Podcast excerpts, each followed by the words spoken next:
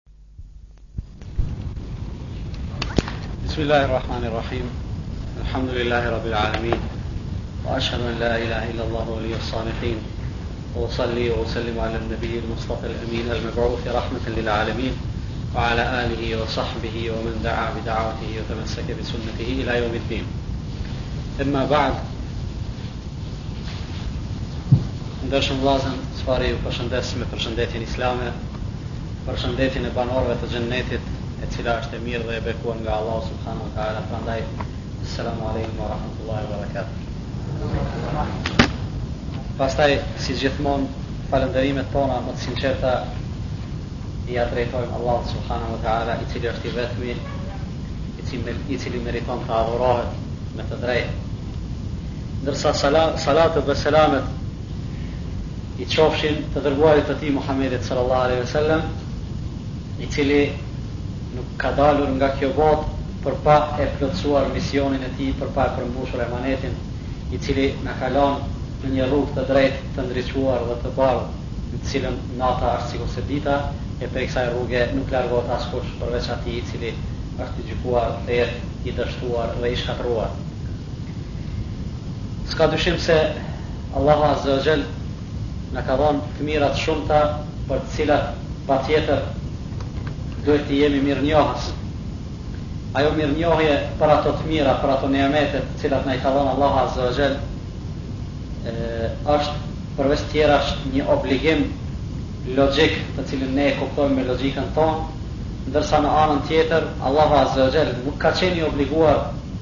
që të na japë të gjitha ato të mira, mirëpo nga mirësia e tij e pakufishme, na e ka bë jetën tonë të mundshme në këtë botë në të dy aspektet, në aspektin fizik dhe në aspektin shpirtëror.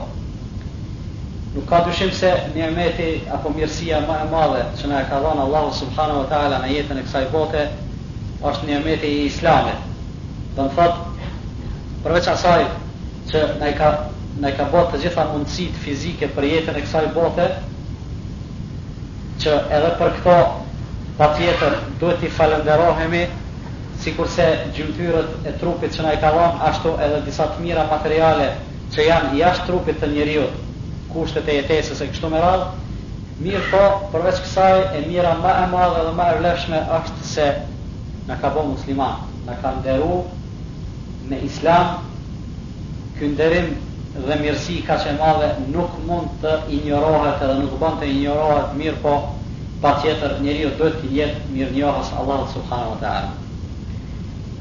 Mirënjohja apo falënderimi për të mirat që na i ka dhënë Allahu e mbi të gjitha të mirën e Islamit, të mirën e rrugës së drejtë, ai falënderim bëhet në mënyra të ndryshme, mirëpo mënyra kryesore e falënderimit është falënderimi me vepër. Mund të thotë dikush, si ka mundësi të bëhet falënderimi me vepër? Shukri, që është falënderim, ka dallim prej fjalës hamd, të cilën ne gjithashtu e përkthejmë si falënderim, mirëpo fjala hamd është ta madhërosh Allahun subhane ve teala për cilësitë që i ka, për madhështinë që e ka, për atë se i takon të lavdërohet, e jo për ndonjë vepër të cilën na e ka bo neve, për ndonjë të mirë që na e ka bo neve. Do të thotë hamdi bëhet për shkak se i takon Allahut azza wa xhel si si Zot i cili është i përsosur edhe i zhveshur nga çdo e met, i lartësuar edhe me të gjitha atributet e plota me të cilat e ka përshkruar ai vetveten. Për këtë i takon hamdi, lavdërimi. Ndërsa për të mirat që na i ka dhënë neve i takon shukri. E shukri është falënderimi Ajo që ne në jetën tonë të përditshme jemi mësuar t'i themi dikujt falënderit për ndonjë të mirë që na e ka ba e të mos i themi nëse nuk na bën të mira. Domethënë kjo është ai shukri. Mirëpo shukri bëhet me zemër, bëhet me gjuhë edhe bëhet me vepra. Me zemër është mirënjohja, do të thotë me e ditë njeriu se dikush i ka ba të mirë e në këtë rast Allahu subhanahu wa taala për këto të mira që na i ka dhënë t'i jemi mirënjohës patjetër, do të thotë ta dimë se Gjithë këto të mira na i ka dhënë Allahu, edhe sikur të mos na i kish dhënë Allahu, ne pa këto të mira, pa këto dhunti, pa këto niamete, sigurisht se do ta kishim jetën shumë më të vështirë apo ndoshta edhe të pamundshme. Gjithashtu shukri bëhet edhe me fjalë, ajo është duke e shpreh falënderimin dhe mirënjohjen dhe bëhet edhe me vepra. Allahu Azza wa Jall ka thënë në Kur'an i'malu ala Dawud shukra. O familje e Dawudit, punoni, veproni falënderim. Çka do të thotë kjo? Kjo do të thotë se e, të vepruarit, të vepruarit e, në ujdi, në përputhje me atë mirënjohje të cilën ti e din në zemrën tënde dhe të cilën ti e shpreh me gjuhën tënde, atëherë ajo është falënderimi dhe shukri më i mirë të cilën ti ke ke me e shpreh me veprën tënde ndaj Allahut subhanahu wa ta'ala. Prandaj, përderisa niameti më i madh që na e ka dhënë Allahu azza wa jall është se na ka udhëzuar në rrugën e drejtë, e për këtë duhet të jemi të vetëdijshëm, domethënë tani kur jetojmë në një mes, kur jetojmë në një botë në të cilën shumica e njerëzve janë larg prej rrugës së drejtë. Shumica e njerëzve derisa ne vijmë për ta falur namazin e akşamit në xhami, shumica e njerëzve shkojnë dikund tjetër. Por derisa ne e përulim ballin tonë dhe e qesim fytyrën tonë në tokë për t'i bërë sejdë Allahut subhanahu wa taala, moshatarët tonë, edhe të afërmit tonë, edhe njerëzit me të cilët jetojmë dhe takohemi çdo ditë, jetojnë ndryshe. Këtë moment, derisa ne e përmendim edhe e përkujtojmë Allahun azze ue xhel në këtë xhami, disa njerëz tjerë jetojnë në mëkate, jetojnë në gjynahe ndaj Allahut subhane ve teala. Jetojnë në asi gjendje që nëse ndonjërit prej tyre i vjen vdekja, Në atë moment, edhe duke qenë në atë gjendje, padyshim se ai është një përfundim shumë i keq. Për çka ne sikur vetëm të na shkonte mendja se mos vallë apo të frikësoheshim se kemi me vdekë në asi gjendje sigurisht se do të na kapte një frikë e madhe. Prandaj duke e pasur parasysh se si jetojnë njerëzit tjerë të cilët janë jashtë rrugës së drejtë, jashtë rrugës së Allahut subhanahu wa ta'ala, ne duhet enkas posaçërisht t'i falënderohemi Allahut subhanahu wa ta'ala, i cili na ka nxjerrë neve nga ajo errësirë e dalaletit, na ka nxjerr nga ajo errësirë e xhehlit edhe na ka udhëzu në rrugën e drejtë, rrugë e cila padyshim epërsia dhe vlera e cilës dallohet edhe në rezultatet e dukshme dhe të prekshme të kësaj bote, e të mos flasim për rezultatet e botës tjetër, rezultatet e Ahiretit, në kohën kur disa ftyra do të nxihen e disa ftyra do të zbardhen, ato ftyra të cilat do të nxihen, do t'u thuhet, Ekefertum ba'de imanikum,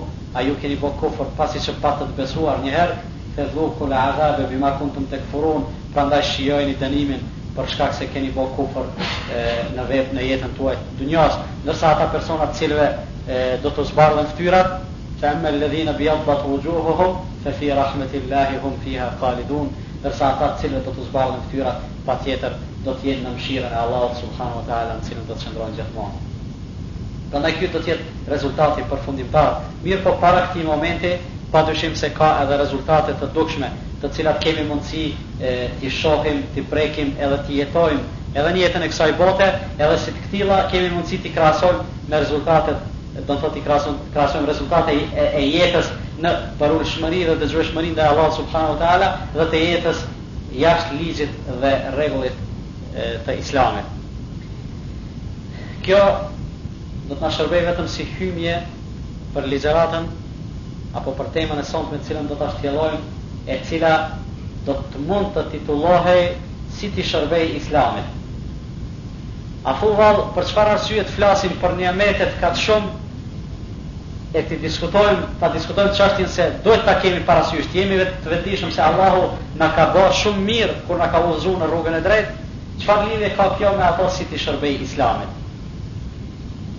Kjo është për shkak se shërbimi që do t'i bojmë ne Islamit, apo angazhimi jonë për përparimin e Islamit, për të mirën e Islamit, është asgjë tjetër vetëm se një anë, është vetëm se një kënd i atij falënderimit që duhet t'ia bojmë ne Allahut subhanahu wa ta'ala për të mirat që na i ka dhanë e posaçërisht për të mirën e Islamit dhe për të mirën e udhëzimit në rrugën e drejtë.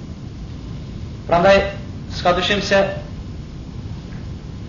njerëzit në përgjithësi, do të thotë në këtë botë ekziston një ligj i cili nuk është absolut, mirëpo në shumë hapa ne ballafaqohemi me rezultatet e këtij ligji.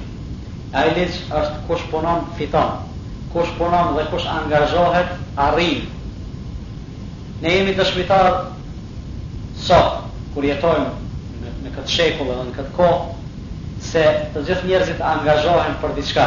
Do të thotë njerëzit kanë ideale të ndryshme, njerëzit kanë preokupime të ndryshme, njerëzit kanë ambicie të ndryshme dhe secili angazhohet, e derdh mundin, shpenzon fuqinë, shpenzon kohën për të arritë për t'i realizu ato aspiratat e veta që i ka edhe për të arrit deri te ajo çka synon.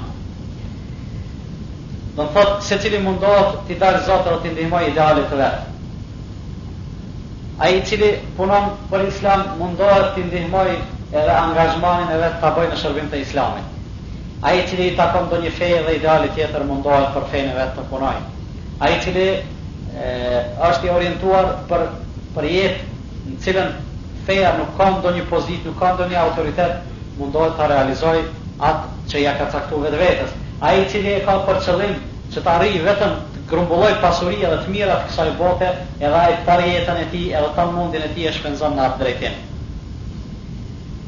Ne si muslimanë, padyshim e kemi për obligim që preokupimin tonë kryesor, ta orientojmë ka ajo se si ta fitojmë kënaqësinë e Allahut subhanahu wa ta'ala. Për këtë po ju përkujtoj me një hadith në të cilin thotë Resulullahi sallallahu alejhi ve sellem, Ai person i cili e ka preokupim të vetin kryesor dunjanë, do të thotë nuk ka tjetër brengë, nuk ka tjetër gajle, nuk e intereson asgjë tjetër përveç se dunjaja. Çka do të bëhet me të? Thotë Allahu do t'ia shkapërderë punët, do të nuk do të ketë sukses. Varfëria do të jetë para syve të tij.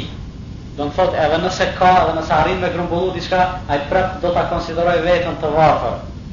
Do të lodhet shumë në jetën e kësaj bote edhe prej dunjas nuk do të fitojë asgjë tjetër përveç asaj të cilën ia ka caktuar Allahu subhanahu wa ta'ala. Ndërsa ai person i cili e ka preokupim të vetin ahiretin, Allahu atij do t'ia rregullojë punët, do të thotë do t'ia qesë punët në rregull, në rend. Pasurinë do t'ia bëjë para syve, do të thotë edhe nëse ka pak ai prapë do ta konsiderojë veten të pasur dhe të kënaqur. Dhe çka? Dhe dunjaja, do të thotë ajo pjesë e dunjas të cilën ia ka caktuar Allahu azza wa xhel, do t'i vijë atij patjetër. Do t'i vijë atij patjetër. Do të thotë, është një dallim ndoshta sikur ai që e ka preokupim dunjan, sikur ai që e ka preokupim ahiretin do të fitojnë njëjtë. do të jetojnë në një standard të përafërt, mirëpo dallon gjendja e njërit dhe gjendja e tjetrit. Për çfarë arsye? Për shkak se një njeri i cili e ka një standard mesatar, mirëpo shpirtërisht është i kënaqur, shpirtnisht e ndin veten se i ka të gjitha, ai sigurisht se jeton ma qete dhe ma mirë se sa ai person i cili ka një standard mesatar, mirëpo gjithmonë ka frikë nga varfëria, gjithmonë ka frikë se mos po varfërohet ma tepër, mos po i harxhohet pasuria, gjithmonë e ka gajle si të grumbullojë edhe ma tepër, e ai person. i cili është i pajisur me një cilësi të ulët, që është cilësia e lakmisë së tepërt, ai person shpirtin kurrnjëherë nuk e ka rahat. Prandaj, njerëzit punojnë, njerëzit kanë preokupime, njerëzit kanë ambicie. Ne do të përmendim disa shembuj se si dhe çka bëjnë të tjerët, për ta pasë parasysh se nëse dikush për një gjë për të cilën ne jemi të bindur edhe është e vërtetë se është rrugë jo e drejtë, se është batil, se është jo e vërtetë, mundohet edhe shpenzon aq tepër edhe angazhohet aq tepër, atëherë ku jemi ne të cilët pretendojmë se e pasojmë rrugën e drejtë? Padyshim se Islami është rruga e drejtë, mirëpo muslimanët mund të jenë muslimanë të vërtetë edhe mund të jenë muslimanë të cilët vetëm pretendojnë. Ju e dini mirë se në shumë vende islame të cilat janë më tepër të goditura nga varfëria, ekziston një lëvizje e cila dirigjohet nga jashtë, që është lëvizja e përhapjes së krishterimit. Nuk do të flasim në aspektin akaidologjik, nuk do të flasim në aspektin e besimit se ku është dallimi mes islamit dhe krishterimit. Mirëpo do të bëjmë një krahasim në mes asaj se çfarë mundi shpenzojnë dhe çfarë angazhimi japin të krishterët për përhapjen e fesë së tyre në vende muslimane, në vende ku përqindja absolute janë muslimanë. Do të marrim shembull dy gjana. E para është se para disa viteve e kanë ndërtu një aeroplan, do të thotë një shoqatë e krishterë kanë ble një aeroplan edhe e kanë pajis me mjetet më moderne, me një fjalë brenda në aeroplan e kanë improvizu një spital lëvizës apo një spital fluturues. Ky projekt, vetëm përgatitja e improvizimi i atij spitali ka kushtu njëzet e pesë milionë dollarë. Edhe kanë lajmru se do të shkojnë në një vend, në një provincë të varfër në Indi, ku shumica e banorëve janë muslimanë, në një qytet i cili quhet Hyderabad. Edhe kur kanë lajmru atje, kanë fillu mjetet e informimit e kështu me radhë me reklamu se do të vijë spitali fluturues i cili Do të qëndrojë në vendin tonë pesëmbëdhjetë ditë edhe çdo kush që ka probleme shëndetësore duhet të drejtohet atje në mënyrë që ta t'ia zgjidhin problemin e tij shëndetësor. Edhe njerëzit kanë fillu, do të thotë tek njerëzit është zgju një interesim i madh, e kur ka ardhur ky spital fluturues edhe ka ka ateru në aeroportin e atij qyteti, kanë fillu njerëzit të shkojnë për kontrolle të ndryshme mjekësore. Mirëpo, për habi të të gjithëve, Muslimanëve posaçërisht kur kanë hy në atë spital mrenda për për problemet e veta shëndetësore që i kanë pas, s'pari ka fillu terapia mendore, terapia ideore, do të thotë dhjetë apo pesëmbëdhjetë minuta ma s'pari njerëzve u është fol për çashtjet e besimit, u është fol për çashtjet se qysh njeriu duhet të lidhet me Zotin e qysh Zoti e ka çu Isusin për të për ta shpëtu njerëzimin e qysh lidhja me te ndikon ndihmon e kështu me radhë me një fjalë kanë dashur që ata njerëz t'i lidhin për krishterimin edhe t'i bëjnë të krishterë dikush nga muslimanët varësisht se nga gjendja në cilën kanë qenë dikush ka reagu edhe ka protestu për shkak se kanë qenë muslimanë të bindur Disa të tjerë, me një fjalë, për të arritë atë qëllimin e tyre të dunjas edhe kanë hesht për këtë gjë. Ajo çka është me randësi, asht të thuhet se brenda asaj kohe, për ato pesëmbëdhjetë ditë sa ka qenë në dru ai aeroplan aty, janë kryer dyzet e tre mijë kontrollime mjekësore dhe janë kryer nëntëmbëdhjetë mijë operacione intervenime kirurgjike. Do me thotë projekti, a thamë para se me mbrri aty ka kushtu njëzet e pesë milion dollarë vetëm pajisja e atij aeroplani dhe improvizimi i tij spital. Do me thotë njerëzit qëllimin e kanë pas që muslimanëve t'ua ofrojnë krishterimin e jo t'u dërgojnë ilaçe jo t'u dërgojnë se ndoshta me ato njëzet e pesë milion dollarë kanë kanë mujt me i themelu njëzet e pesë spitale në atë vend të varfër. Mirëpo qëllimi nuk ka qenë ai, po qëllimi ka qenë që ato mjete ato të mira materiale që i kanë pasë në disponim t'ia nënshtrojnë kujt, t'ia nënshtrojnë përhapjes së ideologjisë së tyre. Po ju japim edhe një shembull tjetër. Ju e dini se vendi më i varfër prej vendeve islame, madje vendi më i më i varfër ndoshta edhe në tërë rruzullin tokësor është Bangladeshi.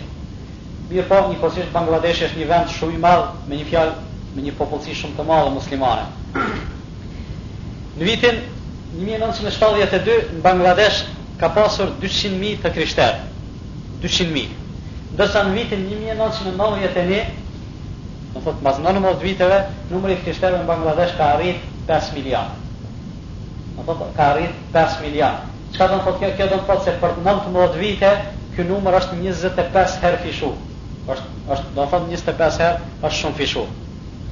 Pastaj duhet ta dimë se vetëm në Bangladesh ë vetëm një shoqatë kanadeze, do thotë një shoqatë e krishterë kanadeze, i ka 3099 shkolla, ndërsa në tërë Bangladeshin punojnë diku rreth 3000 shoqata të krishtera.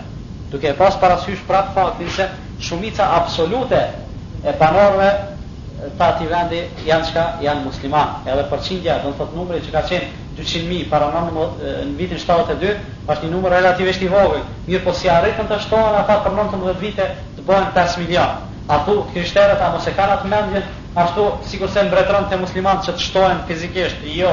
Mirëpo, ky sukses i tyre është arritur me çka? Me aktivitetin e tyre në përhapjen e ideologjisë së tyre. Prapë po them, nuk është qëllimi i ligjëratës edhe nuk është esenca e temës që të flasim për ata se një aktivitet i tillë çfarë pasoja ka e kështu me radhë. Mirëpo, me këtë deshëm vetëm të ilustrojmë se pra po them ekziston ligji në jetën e kësaj bote se kush angazhohet, kush angazhohet Allahu mundin e askujt nuk e çon poshtë, ani pse ka të bëjë edhe për batilin, ani pse ka të bëjë për për jo të vërtetën edhe për rrugën e shtrembër. Prandaj ku janë muslimanët në aktivitetin dhe angazhimin e tyre për përhapjen e fesë së tyre, të cilën jo vetëm muslimanët, po edhe të tjerët e konsiderojnë se është feja e drejtë edhe feja e vetme e cila meriton të pasohet. Për këtë arsye edhe rasti i shprehemi kushtimisht i konvertimeve, qofshin ato i kalimit prej feve tjera në islam apo prej islamit në fe tjera, për shkak se edhe kjo dukuri është prezente. Mirëpo nëse i krahasojmë Njerëzit të cilët kalojnë në Islam, edhe i krahasojmë njerëzit të cilët e lanë Islamin, do të thotë kalojnë prej prej muslimanit shndrohen në diçka tjetër. Atëherë do ta shohim se Islamin nuk e pranon askush përveç kujt? Përveç shkencëtarëve, përveç njerëzve të ditur. Do thotë në përgjithësi kjo është dukuri E qind për qind. Në botë, njerëzit që e kanë pranu Islamin qofshin edhe prej prej civilizimeve dhe shoqërive të cilat ndoshta e kultivojnë më s'tepërmi urrejtjen ndaj Islamit, mirëpo, vetëm se njerëzit e ditur, njerëzit e mençur, njerëzit e shkolluar janë ata të cilët e pranojnë Islamin. Ndërsa në anën tjetër, ata që dalin prej Islamit, ata që largohen prej Islamit, janë kush? Janë njerëzit të cilët nuk janë të shkolluar, njerëzit të cilët nuk janë të vetëdijshëm, nuk janë të nuk janë të ditur, nuk janë të mençur e kështu me radhë. Kalojmë te një pikë e cila tash është e lidhur drejtpërdrejt me thelbin e temës. Ajo është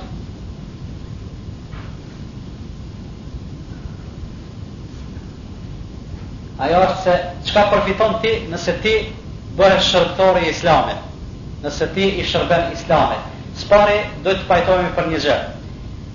Aktiviteti yt për të mirën e Islamit, apo shërbimi që ti ia bën Islamit, nuk është asgjë tjetër vetëm se një aktivitet të cilën ti e bën për të mirën e vetvetes. Për të mirën e vetvetes. Për shkak se me atë angazhim tëndin ti po e fiton edhe po e meriton dashurinë e Allahut subhanahu wa ta'ala, për të cilën thotë Resulullahi sallallahu alejhi ve sellem, Inna Allahe idha ahabbe abden ista'meleh. Kur Allahu e don një person, atë e bën shërbëtor. Do të thotë e përdor, e, e, e shtin në punë. E kanë pyet, Kejfe jesta'miluhu ja Rasulallah, si është ajo, ai, ai përdorim i atij personi të cilin e don Allahu, thotë, Ju'offiquhu lil ameli s-salihi, thumme jaqbidhuhu alejh, ia mundëson me bë punë të mira e pastaj ia merr shpirtin në atë gjendje. Do thotë ia merr shpirtin duke duke bërë punë të mira. Prandaj një sukses të cilin mund ta arrijë ndonjëri prej neve për t'i shërby fesë së Allahut subhanahu wa ta'ala, për të punu punë të mira apo për të punu për të mirën e Islamit edhe të muslimanëve, kjo nuk është asgjë tjetër vetëm se një shenjë e fortë se Allahu subhanahu wa ta'ala e don atë person për këtë arsye ia ka mundësu që ai të punojë asi punë. Prandaj nëse ti angazhohesh për për të mirën e Islamit edhe për t'i shërbyer Islamit, atëherë padyshim se janë disa rezultate pozitive të cilat të kthehen ty, prej të cilave ti do të përfitojsh, e ato janë si vijon. Së pari, shpërblimi dhe sevapi nga ana e Allahut subhanahu wa ta'ala është shumë i madh, madje i pakufishëm. Për këtë arsye thotë Allahu azza wa jall, Femen ya'mel mithqale dherratin khayran yarah wa men ya'mel mithqale dherratin sharran yarah Ai person i cili qoftë edhe sa një grimcë e atomit bën diçka hajr, padyshim se ka me e pa rezultatin e asaj pune dhe të atij angazhimi. Prandaj, s'ka dyshim se kur ti të angazhohesh në këtë drejtim, do ta shohësh rezultatin qoftë në këtë botë, qoftë në botën tjetër duke të shpërblyer Allahu subhanahu wa ta'ala në momentet kur ke më së tepërmi nevojë për ndihmën dhe shpërblimin e Allahut. Pastaj, Ajo që përfiton njeriu me angazhimin e tij për të mirën e Islamit është se Allahu subhanahu wa ta'ala ia mundëson që të ketë sukses në jetën e tij të kësaj bote edhe ia drejton hapat, do të thotë çdo hap që e ndërmerr ai në jetën e tij ka me e pas të qëllua. Thotë Allahu azze wa xhel në Kur'an, "Wal-ladhina jahadu fina lanahdiyannahum subulana", Ata të cilët luftojnë dhe angazhohen për hir tonin, Thotë ne gjithsesi do t'i udhëzojmë ata në rrugën tonë.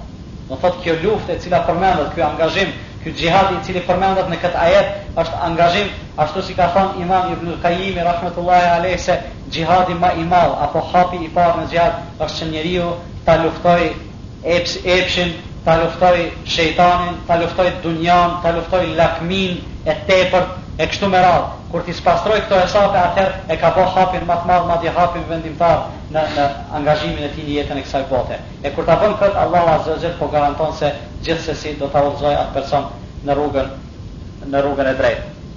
Pastaj me angazhimin tonë do të rritet numri i muslimanëve.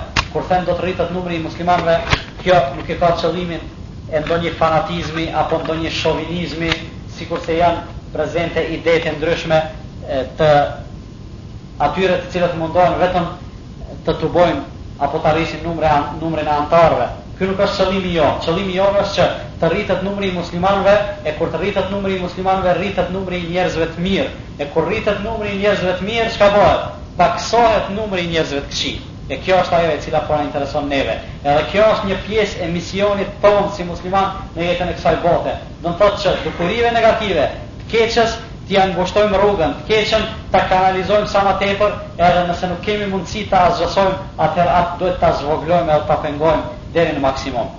Prandaj, kjo është ajo e cila neve na intereson kur themi të rritet numri i muslimanëve, do të thotë të rritet numri i atyre që punojnë dhe veprojnë drejt e të zvogëlohet numri i atyre të cilët bëjnë vepra të këqija. Njëkohësisht me këtë është e lidhur edhe, do të thotë, zvogëlimi i i i çrregullimeve të cilat shkaktohen në këtë botë si pasojë e largimit të njerëzve nga rruga e Allahut subhanahu wa taala. Edhe përfundimisht Kur ti t'i shërbejsh fesë së Allahut subhanahu wa ta'ala dhe të angazhohesh për të mirën e Islamit, atëherë s'ka dyshim se kjo do të jetë një ndihmë, edhe nëse e vogël, e cila do ta afrojë edhe më tepër ndihmën dhe fitoren nga ana e Allahut subhanahu wa ta'ala. Prej aktiviteteve dhe angazhimeve ma me rëndësi që njeriu duhet t'i bëjë Për t'i shërbyer Islamit, padyshim është çështja e davës, çështja e thirrjes në Islam. Ne e dimë mirë se të gjithë pejgamberët e Allahut subhanahu wa taala kanë qenë të dërguar në këtë botë me një mision të vetëm që ka qenë misioni i tyre kryesor ajo është e, daveti, thirrja e njerëzve apo komunikimi njerëzve Fja, i fjalës së Allahut subhanahu wa ta'ala. Do thotë kjo ka qenë zanati i tyre, kjo ka qenë mjeshtria e tyre që fjalën e Allahut dhe udhëzimet e Allahut t'ua ofrojnë njerëzve. Prandaj përderisa qenka kjo e, qenka kjo thirrje, misioni kryesor i pejgamberëve të Allahut subhanahu wa ta'ala, atëherë s'ka dyshim se ai person i cili merret me këtë punë e ka bërë një punë shumë fisnike, për shkak se këtë punë fisnike e kanë bërë para tij ata më të zgjedhurit dhe më të dashurit e Allahut subhanahu wa ta'ala që janë pejgamberët dhe të dërguarit e Allahut. Mirëpo, për të folur për rëndësinë edhe vlerën e davës, thirrjes në Islam, padyshim nevojitet shumë, mirëpo shumica prej neve e dinë diçka për këtë punë. Ne nuk do të flasim, nuk do t'ju qasemi këtyne aspekteve, do t'ju qasemi disa gjanave të cilat ndoshta për shumicën prej neve janë të njohura, mirëpo kemi nevojë vazhdimisht të përkujtohemi.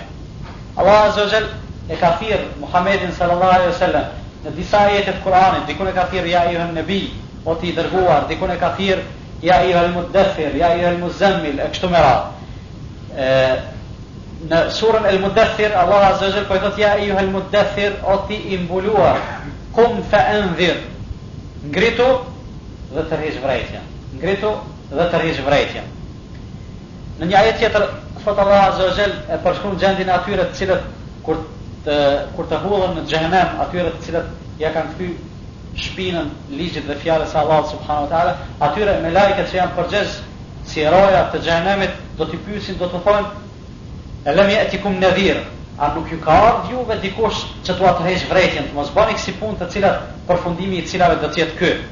Ata do thonë bela kad ja'na nadhir. Po si, neve na kanë ardhë vërejtje tërheqës. E vërejtje tërheqës kush kanë qenë? Kanë qenë pejgamberët e Allahut subhanahu wa ta'ala. Çka po nënkuptojmë prej këtyre ajeteve? Apo çka deshëm të thomi me përmendjen e këtyre ajeteve?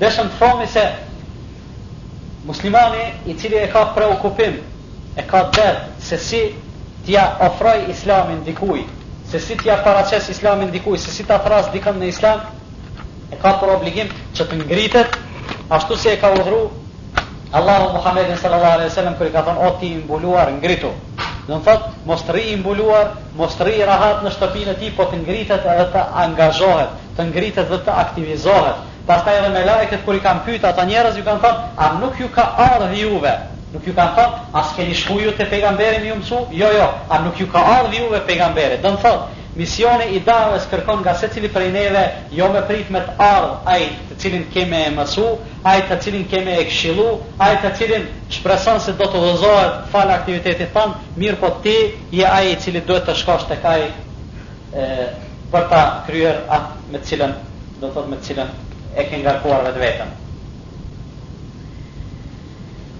Për të për të punu për të mirën e Islamit, për t'u angazhu edhe për t'i shërby Islamit, janë patjetër disa faktorë, janë disa kushte të cilat duhet të plotësohen, e kur të plotësohen këto kushte, atëherë këto janë ato të cilat ta mundësojnë ty që të jesh shërbëtor i Islamit, që të jesh e punëtor Që të jesh punëtor e mira e të cilit do të shkojë në favor të Islamit.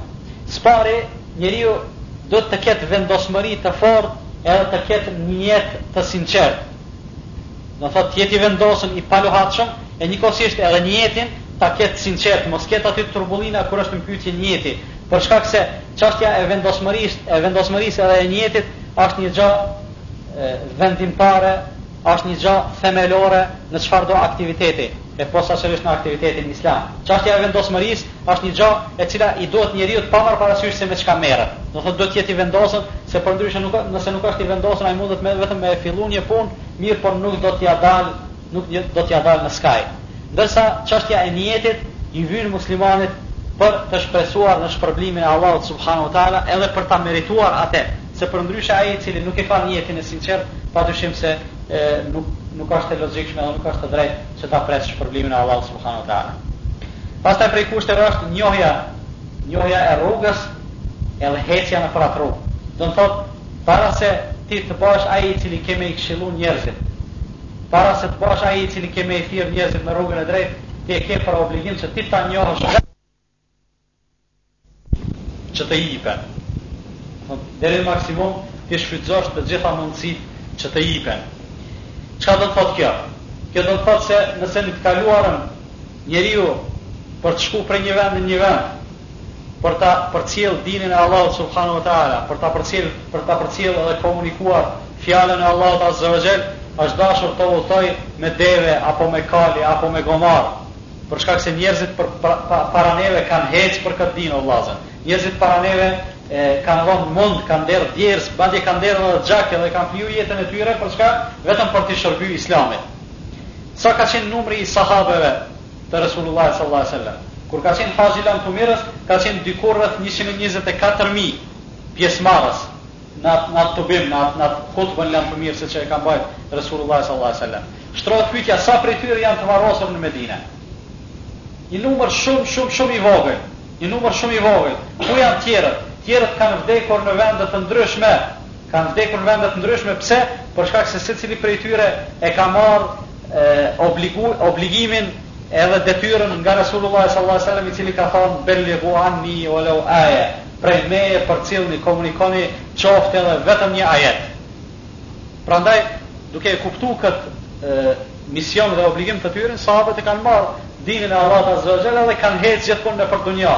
Kanë shkuar deri në viset më të largëta, mirëpo në atë kohë nuk kanë pas mjete të cilat i posedojmë ne sot, nuk ka pas aeroplana, nuk ka pas trena, nuk ka pas anije, kanë hecë me muj të tanë, kanë hecë të zbathur, Ebu Musa el-Esh'ari e tregon rastin kur kanë hecë me Resulullahin sallallahu alaihi wasallam, Gjashtë vetë apo shtatë vetë janë ndrru me një deve, edhe thotë i kemi lidhë kambët me, me, me lecka të ndryshme për shkak se edhe thonjtë na kanë ra prej rrugëtimit të gjatë në kambë.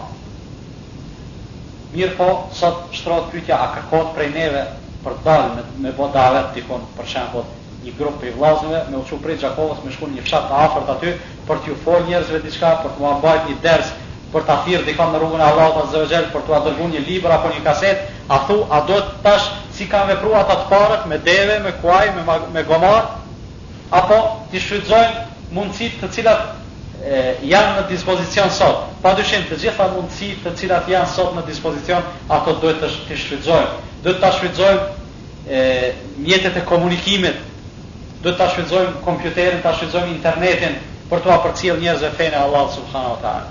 Do të thotë tash është janë qenë horizonte të reja të cilat ne muslimanët patjetër duhet t'i shfrytëzojmë për t'ua komunikuar njerëzve fenë edhe fjalën e Allahut azza wa jall.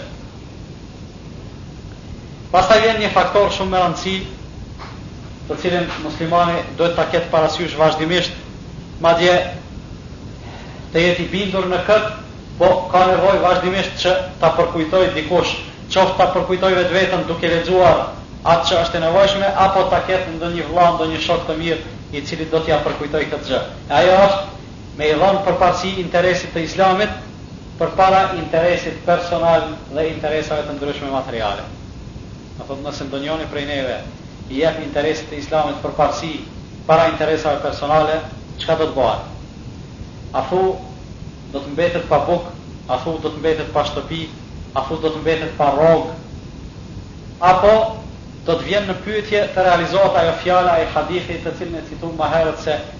vetëm se do të jetë i pasur, vetëm se do ta konsiderojë veten se i ka të gjitha, edhe prej dunjas nuk do t'i mungojë asgjë, për çfarë arsye? Për shkak se atë që ia ka caktuar Allahu azze o xhel prej dunjas, ajo gjithsesi ka me i ardh.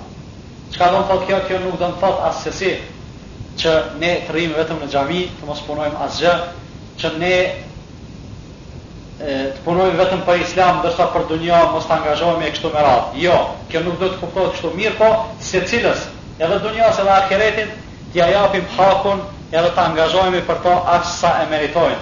Sa jetojmë në dunja? Pesëdhjetë, gjashtëdhjetë, shtatëdhjetë, njëqind vjet. Sa do të jetojmë në ahiret? Jetë e amshueshme pa vdekje! Prandaj të angazhohemi për dunja çaq sa ka nevojë dunjaja, edhe të angazhohemi për ahiret çaq sa ka nevojë ahireti, apo sa kemi nevojë për për frytet e punës tonë në ahiret. Prandaj, dhënia përparësi e interesit të Islamit, para interesave personale është një faktor i cili ta mundëson që të hecësh në këtë rrugë edhe të bëhesh një shërbëtor i mirë, i sinqertë i fesë së Allahut subhanahu wa ta'ala. Pas kësaj vjen hecja sipas programit të dijetarëve, të thirrësve, të reformatorëve, të atyre të cilët para teje veç e kanë praktiku Islamin, e kanë praktiku, kanë qenë shërbëtorë të mirë, kanë qenë punëtorë aktivistë të cilët prej të cilëve Islami ka pas dobi edhe muslimanët kanë pas dobi prandaj përfito prej përvojave të tyre të largohesh nga dobësia të largohesh nga përtacia për shkak se përtacia edhe dobësia do të thotë konsiderimi i vetes i dobët është një gjë e cila të pengon shumë në aktivitet gjithashtu zemrën duhet ta lidhur me Allahun subhanahu wa taala e kur të jesh i lidhur me Allahun azza wa jall atëherë ti ia ke mundësu vetvetes një përparësi shumë të madhe. Kur vjen puna të frikësohesh nga dikush, do ta kesh parasysh se çdo gjë është nën kontrollin e Allahut subhanahu wa ta'ala. Frika jote padyshim do të pakësohet, do të jetë aq e vogël saqë nuk do të ndikojë që ti me u pasivizu. Nëse vjen puna e të lakmosh për diçka, prapë do ta kesh parasysh se Allahu azze wa xhelle është ai i cili jep edhe merr, nëse don ka me të dhënë edhe ty ashtu si i ka dhënë dikujt para teje e kështu me radhë. Gjithashtu nevojitet për të pasur sukses në aktivitetin tonë që ta rregullojmë, ta programojmë kohën duke e ndarë kohën në periudha, në etapa, duke filluar nga dita, java, muaji dhe viti. Do thotë ta programosh ditën tënde, çdo ditë të jetë e programuar se çka do të bësh. Pastaj ta kesh programin javor, një herë në javë çka do të bësh, përveç atij aktivitetit ditor. Pastaj një herë në muaj çka do të bësh, një herë në vit e kështu me radhë. Përderisa nëse jeton e jeton jetën tënde me program, atëherë s'ka dyshim se do të jesh edhe praktikisht shumë i suksesshëm. Nëse ndodh e kundërta, atëherë s'ka dyshim se suksesi, edhe nëse angazhohesh tepër, suksesi do të jetë shumë i vogël. Edhe është një faktor me rëndësi, ajo është se duhet njeriu në punë të mira, në ato që janë të dobishme, patjetër të angazhohet shpejt. Kësaj i thojmë el-musabekatu ilel khejrat. Do thotë me shpejtu në punë të mira. Asnjëherë kur të bie në mend një punë e mirë me e bo, asnjëherë mos e lënë, mos e thuj, hajt se do ta bëj inshalla një ditë. Si të thush do ta bëj një ditë, atëherë i ke ndihmu shejtanit që edhe kur të vijë ajo dita e planifikume mos me të lon me e kry atë punë. Mirëpo nëse ngritesh menjëherë, po sa të bie ndërmend ajo vepër e mirë me e bo, edhe shkon me e bo atëherë s'ka dyshim se e ke arritur suksesin, e ke arritur suksesin e plotë. Ky aktivitet, ky mision, kjo dave, kjo thirrje e njerëzve në rrugën e Allahut subhanahu wa ta'ala, a thu është obligim i një kategorie të posaçme të njerëzve, apo është i obligim i të gjithë muslimanëve? për shkak se ju e dini se në Islam ka obligime të cilat janë obligime individuale për secilin, i thojnë fard ain. Edhe ka obligime tjera të cilat nuk janë obligime individuale, por janë obligime kolektive. Çka do të thotë kjo? Kjo do të thotë se nëse dikush e kryen atë obligim, atëherë bie obligimi nga të tjerët. Për shembull, namazi i xhenazës është obligim kolektiv, kur ta kryen dikush, bjen obligimi nga të tjerët.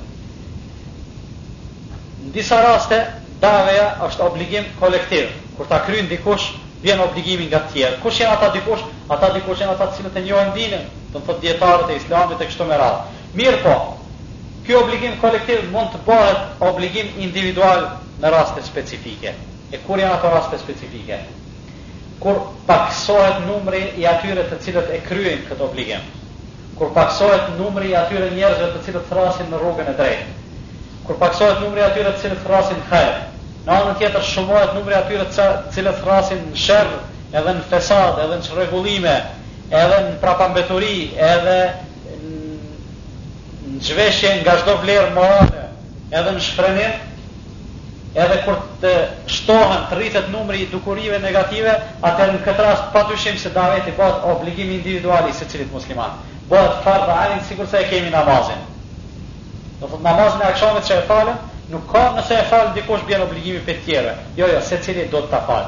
Edhe daveti, daveja, thirrja e njerëzve në Islam në kësi raste bëhet obligim individual i secilit, për çfarë arsye, për shkak se në këtë rast, Sherri, e keqja, negativja merr përmasa katastrofale, merr përmasa alarmante. E kur është situata alarmante, atëherë mobilizimi është i përgjithshëm. Do të thotë, kjo është rregull. Çfarëdo situate që të jemi, kur të bëhet situata alarmante, atëherë mobilizimi duhet të bëhet i përgjithshëm. Kur e keqja të merr përmasa të madhe, kur dukuritë negative shumohen edhe rriten, edhe shtohen, atëherë s'ka dyshim se puna edhe aktiviteti për t'i ndryshuar ato dukuri negative, padyshim se bëhet çka obligim individual i secilit person, i secilit njeri i cili pretendon se është musliman. Shtrohet pyetja, si mund të arrijmë te njerëzit për t'ua ofru atyre fjalën e Allahut Azza wa Jall? Si mund të depërtojmë tek njerëzit për t'ua komuniku fjalën e Allahut edhe për t'ua ofru Islamin. Janë dy dy gjana, janë dy aspekte, janë dy elemente të cilat patjetër duhet t'i plotësojmë, ato edhe ato e plotësojnë njëra tjetrën, do të thotë asnjëra pa tjetrën nuk bën. Elementi i parë është që ti si musliman praktikisht praktikisht të jesh shembëlltyrë me sjelljen tënde të mirë. Do të thotë, pjesa më e madhe e davetit, pjesa më e madhe e thirrjes në Islam është që ti të japësh shembull praktik me sjelljen tënde të mirë, me gjendjen tënde të mirë, që njerëzit të lakmojnë kur të shohin ty, të lakmojnë në fenë e Allahut subhanahu wa ta'ala. Edhe elementi tjetër është të folurit, të komunikuarit, për shkak se edhe këtë Allahu subhanahu wa ta'ala ia ka obligu të dërguarit të tij Muhammedit sallallahu alaihi wasallam. Ja ejuherresulu belligh ma unzile ilejke min rabbik, O ti i dërguar, komunikoje atë që të është zbritur ty nga Zoti yt. Do të thotë, këto dy elemente ne si muslimanë patjetër duhet t'i plotësojmë nëse dojmë që të jemi ata të cilët fjalën e Allahut ashtu si e kemi marrë, ashtu si na ka udhëzuar Allahu subhanahu wa ta'ala të bëhemi sebeb që nëpërmjet neve, nëpërmjet angazhimit dhe aktivitetit tonë, të udhëzohet edhe dikush tjetër, për shkak se thotë Resulullahi sallallahu alejhi ve sellem, je e, le en jehdije Allahu bike raxhulen hajrun leke min humurin ni'am, Nëse Allahu nëpërmjet teje e udhëzon një njeri të vetëm, atëherë padyshim kjo do të jetë ma mirë për ty sesa të jipet pasuria ma e madhe e botës. Pse? Për shkak se kur ti të bëhesh shkaktar që të bëhet një punë e mirë, që të bëhet një punë e mirë, atëherë s'ka dyshim se Sado që të punohet qajo vepër e mirë, edhe ti do të fitosh shpërblime tek Allahu subhanahu wa ta'ala, ani pse pjesëmarrja jote në atë punë të mirë nuk është aktive. Mirëpo ti fillimisht ke qenë shkaktar, ke qenë iniciator i asaj vepre të mirë. Prandaj përderisa është kështu, atëherë çdo njeri që udhëzohet nëpërmjet teje, s'ka dyshim se ti do të fitosh shumë nga jeta, nga praktika, nga ibadeti i tij, nga dëgjueshmëria e tij ndaj Allahut subhanahu wa ta'ala, ti ke me fitu, Pa u dëmtu ai fare. Ai e merr shpërblimin e vet për plot, mirëpo edhe ti do të kesh shpërblim për çfarë arsye? Për shkak se ti je bo shkaktar. Ti je iniciator pas Allahut azze ve xhel që ai person është udhëzuar edhe ban edhe ban punë punë të mira me të cilat është i kënaqur Allahu subhanahu teala. Mirëpo këto dy gjëra të cilat i përmendëm, shembulli praktik, shembulli i mirë praktik dhe komunikimi të them komunikimi verbal i fjalës së Allahut subhanahu wa taala assesi nuk duhet të jenë në kundërshtim njëra me tjetrën, assesi nuk duhet të humb baraspesha mes këtyre dy gjanave. Madje, nëse ka nevojë që ndonjënës t'i jipet përparësi ma shumë se tjetrës, atëherë s'ka dyshim se puna ka përparësi para fjalës. Do të thotë puna dhe aktiviteti është ajo e cila duhet të bahet ma tepër se sa fjala. Përndryshe, Nëse vjen humbja e baraspeshës, nëse fjalët shtohen, ndërsa veprat pakësohen, atëherë s'ka dyshim se kemi të bëjmë me një defekt shumë të madh. Kemi të bëjmë me një defekt shumë të madh, për shkak se ne i dimë parimet kuranore, i dimë parimet të cilat i nxjerrim edhe nga fjalët e Resulullahit sallallahu alejhi ve sellem se fjala pa vepra tek Allahu azza wa jall nuk çon peshë, po nuk çon peshë as tek njerëzit. As tek njerëzit. Thot El Hasan El Basriu, rahmetullahi alejh, thotë, duke folë për disa njerëz të cilët një kohë kanë qenë aktiv në vepra, e pastaj i kanë lënë veprat e kanë filluar edhe vetëm të flasin fjalë të thata, thotë këta njerëz janë ata të cilët janë lodh nga ibadeti, e pastaj e kanë pa se ma lehtë është me fol sesa me punu. Do thotë e kanë pa se ma lehtë është me fol sesa me punu, edhe me të vërtetë, Kjo është kështu, do thot ma lehtë është me fol se sa me vepru, e përderisa është ma lehtë me fol atëherë ajo çka është ma e lehtë nuk mund të çmohet ma tepër se sa ajo çka është ma e randë. Thot këta janë lodhë nga ibadeti dhe e kanë pa se ma lehtë është me fol se sa me punu, prandaj thot prandaj thot është zvoglu është zvoglu, do thot ka ra shumë niveli i devotshmërisë së tyre edhe kanë fillu vetëm me fol. Do thotë, kur ti shihsh njerëzit se vetëm po flasin ndërsa në praktikë nuk janë askund, ta dish se takvallëku i tyne, devotshmëria e tyre, frika e tyre ndaj Allahut azze wa xhell, është në në një nivel shumë të ulët. Ndërsa një prej imamëve të të parëve tonë të mirë, që është Imam el-Auzaiu, e ka dhënë një definicion të kësaj dukurie, të këtij defekti, edhe ka thonë, El mu'minu yetekellemu qalilan wa ya'malu kathira, Besimtari flet pak ndërsa punon shumë, Wal munafiqu yetekellemu kathiran wa ya'malu qalilan, Ndërsa munafiku, hipokriti, flet shumë ndërsa punon pak.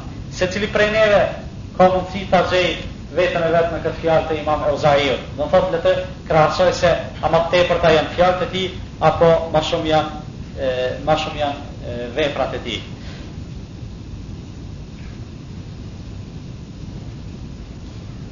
rrugët, shtigjet apo kandet prej ka muslimani mundet me dhënë kontribut, me dhënë kontribut për përparimin e fesë së Allahut subhanu teala janë të shumta, madje janë të panumërta. Secili prej neve, Ka mundësi që t'i gjejë ndoshta dhjetë rruga apo dhjetë mënyra se si me i kontribu fesë së Allahut subhanahu wa ta'ala, si me e çu fjalën e Allahut azze wa xhel përpara. Mirëpo janë disa gjana të cilat janë përafërsisht si të përbashkëta, si të përgjithshme, të cilat do të cekim vetëm si përkujtim, përndryshe detajet janë, prapë po them, të pakufizuara. S'pari prej mënyrave se si mundet njeriu që t'i shërbejë Islamit është që njerëzve t'ua tregojë rrugën e drejtë, njerëzve t'ua tregojë hajrin.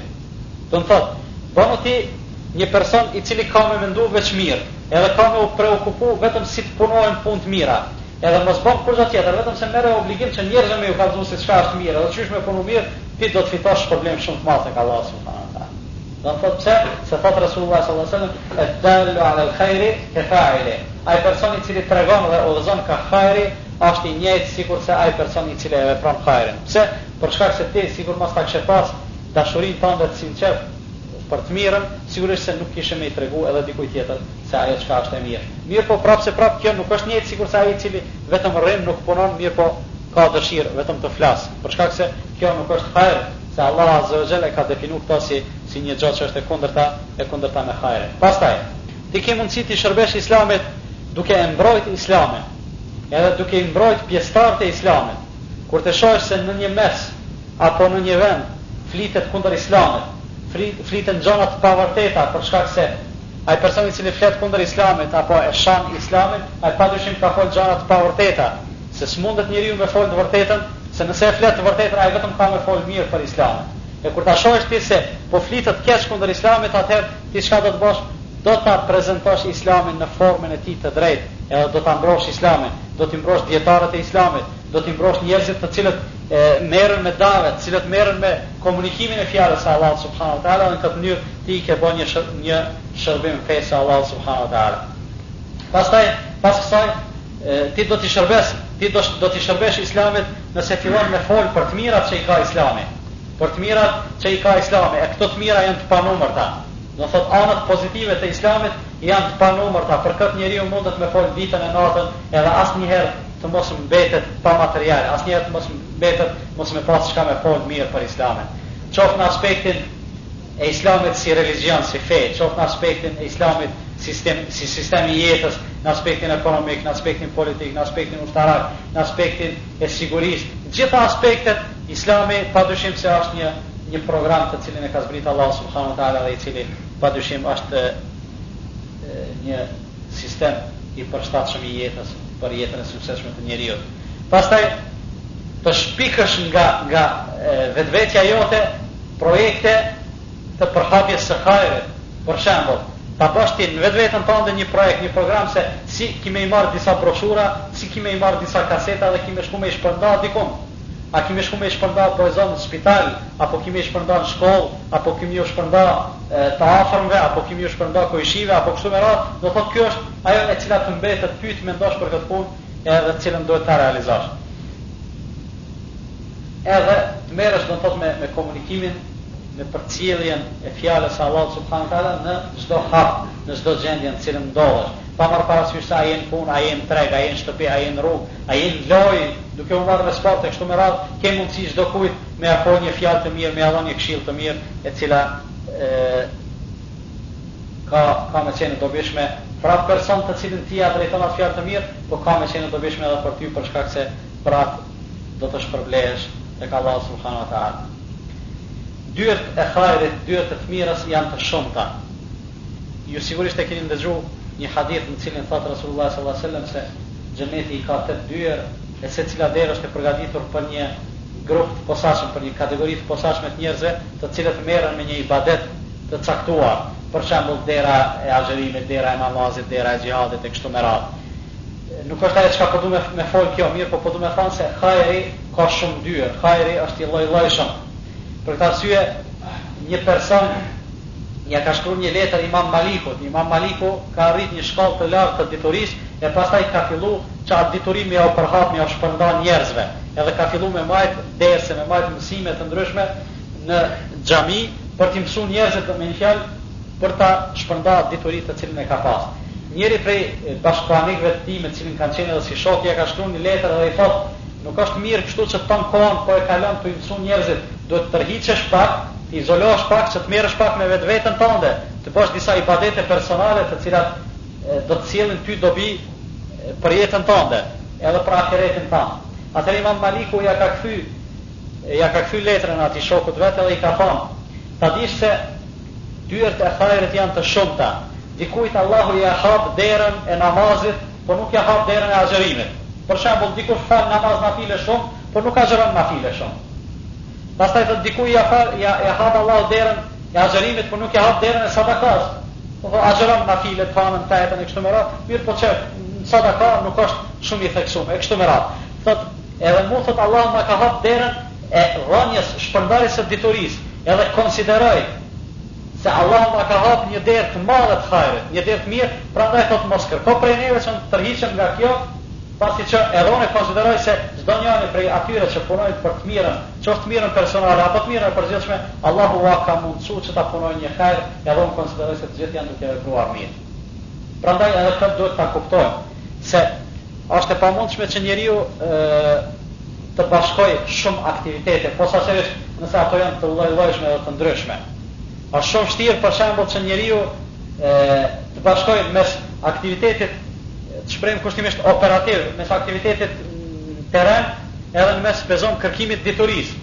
Nuk ke mundësi, për shembull, kohën tënde ta ndash një pjesë, për të studiu edhe një pjesë tjetër për të punu me njerëz për të shku atje për tju çu libra për tju fol për tju mbajt ligjerata e kështu me radhë për çfarë arsye për shkak se të dyja të kërkojnë kohë shumë të madhe e përderisa të dyja të kërkojnë shumë kohë atëherë nuk ka mundësi koha të ndahet në dy pjesë për të shpenzuar shumë atje edhe shumë këtu mirëpo njeriu në atë çka e sheh vetveten se është i denjë për të punu për të angazhuar më tepër aty ku e sheh veten se ka mundësi me dhënë kontribut më tepër aty duhet të aty duhet të angazhohet. Në jetën tënde në përgjithësi, edhe në aktivitetin tënd islam në veçanti, duhet ta kesh parasysh, do të thotë të kesh kujdes edhe të ruhesh nga disa gjëra. Prej atyre gjërave e para është përtacia edhe humbja e vullnetit. Do të thotë kur njerë edhe nganjëherë nëse e ndin veten se je i plogësht, edhe e ndin veten rëndë kështu me radhë, duhet të ngritesh edhe pa dëshirën tënde, në mënyrë që të mos e, të mos dominojë përtacia tek ti për shkak se në këtë mënyrë edhe nëse është një masë e vogël e përtacisë ajo do të shkaktojë probleme të mëdha. Pastaj duhet të kesh kujdes edhe gjithashtu edhe nga syfaqësia, mos ti bësh punët për të folur dikush për ty për të dëgjuar se ti je një musliman i mirë se ti je një njeri i cili punon dhe angazhohet apo për të pa njerëzit. Gjithashtu në këtë kontekst lidhet edhe largohu nga Pjesëmarrja e nefsit tënd në atë për çka po angazhohesh ti. Kur e kanë pyet dikon prej dijetarëve i kanë thonë cila cila gjë është më e vështira, më e rënda për nefsin, ka thonë gjëja më e rëndë për nefsin është nijeti i pastër. Pse? Se thotë në nijetin e pastër nefsi nuk ka asgjë, s'ka hise hiç. Pse s'ka hise? Për shkak se kur ta bësh ti nijetin e pastër do të thotë e ke bërë një punë vetëm për Allahun. Ndërsa nefsi çka kërkon? Nefsi kërkon që ty dikush me të lavdu, ty dikush me të shpërbly, ty dikush me të arrit pozitën, autoritetin e kështu me radhë. E nëse ti e bën me nijet të pastër vetëm për hir të Allahut, atëherë nefsi nuk po fiton asgjë, për shkak se nuk e ke pas për qëllim që të lavdohesh nga njerëzit, të shpërblehesh nga njerëzit e kështu me radhë. Gjithashtu duhet pasur kujdes, shumë duhet pasur kujdes në ndërprerjen e aktivitetit. Çka do të thotë kjo? Kjo do të thotë se duhet ta kemi parasysh një parim, ta kemi parasysh një fjalë të Resulullahit sallallahu alejhi ve sellem të cilën thotë, Ehabbul a'mali ila Allahi edwamuha wa in qall, Vepra më e dashur tek Allahu subhanahu wa ta'ala është ajo vepër e cila bëhet me kontinuitet, e cila është e vazhdueshme edhe nëse është pak. Prandaj në programin tënd vendos ose do të punosh pak e në vazhdimësi, ose mos punosh shumë e masandej me e lanë punën. Shif e veten se sa ke mundësi të punosh, ajo është një masë e caktuar mirëpo ajo punë duhet të jetë e vazhdueshme edhe të mos ndërprehet, të mos ndërprehet asnjëherë. Gjithashtu të kesh kujdes zemrën tënde pastroje nga disa cilësi të cilat janë shumë të dëmshme për zemrën tënde sikurse është urrejtja, është smira apo hasedi, është mendjemadhësia apo arroganca apo kibri e kështu me radhë për shkak se secila prej këtyre gjanave janë shumë të rrezikshme për zemrën e njeriut edhe njëkohësisht nuk e lon atë që të përparojë edhe nuk e lon që të merret me punë me punë të mëdha edhe të larta mirëpo gjithmonë e çon ka punët e ulëta edhe të dobëta gjithashtu duhet larguar njeriu nga nga vendet e dyshimta nga gjendjet e dyshimta nga shoqërimi me njerëz të dyshimtë për shkak se kjo padyshim ndikon ndikon negativisht në në aktivitetin tonë edhe porosia e fundit është Largohu apo mos lejo assesi që të të kaplojë pesimizmi, assesi mos e humb shpresën, mirëpo gjithmonë shpreso, gjithmonë të jesh i pajisur me një shpresë të fortë e cila do të jap vullnet më të fortë që të përballesh me problemet, me pengesat të cilat do të paraqiten, për shkak se këto probleme dhe këto pengesa janë normale, janë të natyrës së kësaj rruge. Për fund, vetëm po ju përkujtoj një gjë. E dimë se Resulullahi sallallahu alejhi ve sellem ka qenë njeriu më i zgjedhur edhe më i dashur i Allahut subhanahu wa ta'ala. Megjithatë, edhe ai është ballafaquar me probleme të shumta, edhe ai e ka kry aktivitetin e vet, është angazhu shumë për t'i ndihmu apo për t'i shërby kësaj feje. Ai e ka derdh djersën e vet, e ka derdh gjakun e vet, e ka harxhu kohën e vet, e ka e, sakrifiku e autoritetin e vet të gjitha këto për çka vetëm për ta ngrit fjalën e Allahut subhanahu wa ta'ala paramendoni në periudhën e Mekës Resulullahi sallallahu alejhi ve sellem i ka pas ata mushrikët e Mekës i ka pas armiqtë më të mëdhej saqë ndonjëri prej tyre i ka shku mas edhe me këndo që ka fol Resulullahi sallallahu alejhi ve sellem ai menjëherë ka reagu ka thënë mos e ngani këtë se është gënjeshtar mos e ngani se është magjistar mos e ngani se është kështu e është kështu Paramendoni ndonjëri prej neve tash kur don dikujt me ia dhënë një këshillë të mirë, me ardhë njëri mas teje dhe me thonë, mos e ngo se të rren ky. Qysh kishim reagu na? Sigurisht, nëse asgjë tjetër, kish me na ardhë shumë randë. Edhe sigurisht, sikur ta kishim ditë se qetash si të dalim prej rrugës dikush ka me na thonë gënjeshtar ose ka me na akuzu me akuza të ndryshme, na ndoshta as prej shpisë nuk kishim me dalë. Pse? Për shkak se nuk jemi në gjendje, nuk jemi aq fort me u ballafaqu me problemet e jetës. Prandaj njeriu nuk duhet me u brengos shumë, edhe nëse has në probleme, duhet ta dijë se problemet janë një gjë normale, përkundrazi njeriu është i krijuar në këtë botë që të ballafaqohet me me me probleme edhe të gjejë zgjidhje për ato probleme. Prandaj Resulullahi sallallahu alejhi ve sellem në te e kemi shembullin më të mirë, në sahabet, në shokët e tij kemi shembullin më të mirë si gjeneratë, për shkak se si gjeneratë kanë qenë gjenerata më e zgjedhur edhe më e vlefshme,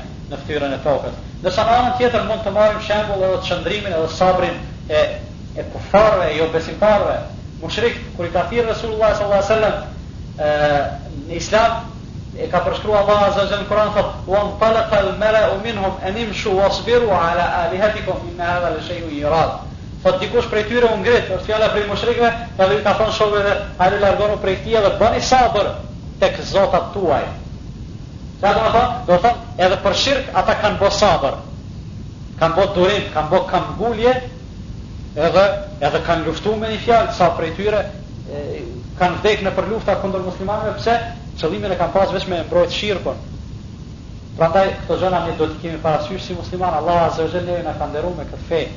Allah azza wa jalla na ka nderuar me diçka e cila është shumë e vlefshme si për dunia ashtu edhe për ahiret. Duhet të jemi të vetëdijshëm se Është me të vërtetë një përparësi e madhe për neve që në këtë moment, tani, nuk jemi në një vend ku ka shumë zhurmë, ku ka tym duhanit, ku ka alkool, ku ka drogë, ku ka ku e di se çka, mirëpo çka, jemi në një shtëpi prej shtëpiave të Allahut subhanahu wa ta'ala, duke e përmend Allahun edhe duke qenë të rrethuar nga melaiket, si e ka përshkruar Resulullahi sallallahu alejhi ve sellem në hadith. Prandaj, kjo vetëdije, Kjo gjendje e vetëdijes për ta ditë se Allahu me të vërtetë na ka nderu, kërkon prej neve angazhim, e me atë angazhim ne e shprehim falënderimin tonë ma të sinqert ndaj asaj se Allahu subhanahu wa ta'ala na ka na ka udhëzu në rrugën e drejtë. Po ju lexoj vetëm një fjalë të një dietarit edhe me kaq po e përfundojmë këtë ligjëratë. Ka qenë një Ebu Ismail el-Herevi prej dietarëve të mëparshëm. Thotë Iu kam eksponu shpatës pesë herë. Çka domethonë iu kam eksponu shpatës? Do të thotë, më është qit qafa nën shpatë pesë herë. Ja po të po të presim, po ta presim kokën, ja bën qishtu. Edhe thotë asnjëherë nuk më kanë thënë e, largohu prej drejtimin tënd apo leje idealin tënd. Mirëpo gjithmonë vetëm më kanë thënë mos e kundërshto ato çka është në kundërshtim me idealin tënd. Po hesht! Unë thotë gjithmonë ju kom thonë jo kurrnjëherë s'kam me hesht. Unë thotë gjithmonë kam me e ngrit zonin edhe kam me fol kundër kujt? Kundër të pavërtetës. Edhe pesë herë ju ka ju ka eksponu shpatës, mirëpo nëse Allahu azze o xhel dikujt nuk ja ka caktu vdekjen, atëherë nuk ka kush që mundet me e mbyt. Kjo me të vërtetë është një temë sa është me rëndësi aq është edhe e gjatë. Për këtë arsye inshallah edhe ligjërata e ardhme nuk do të jetë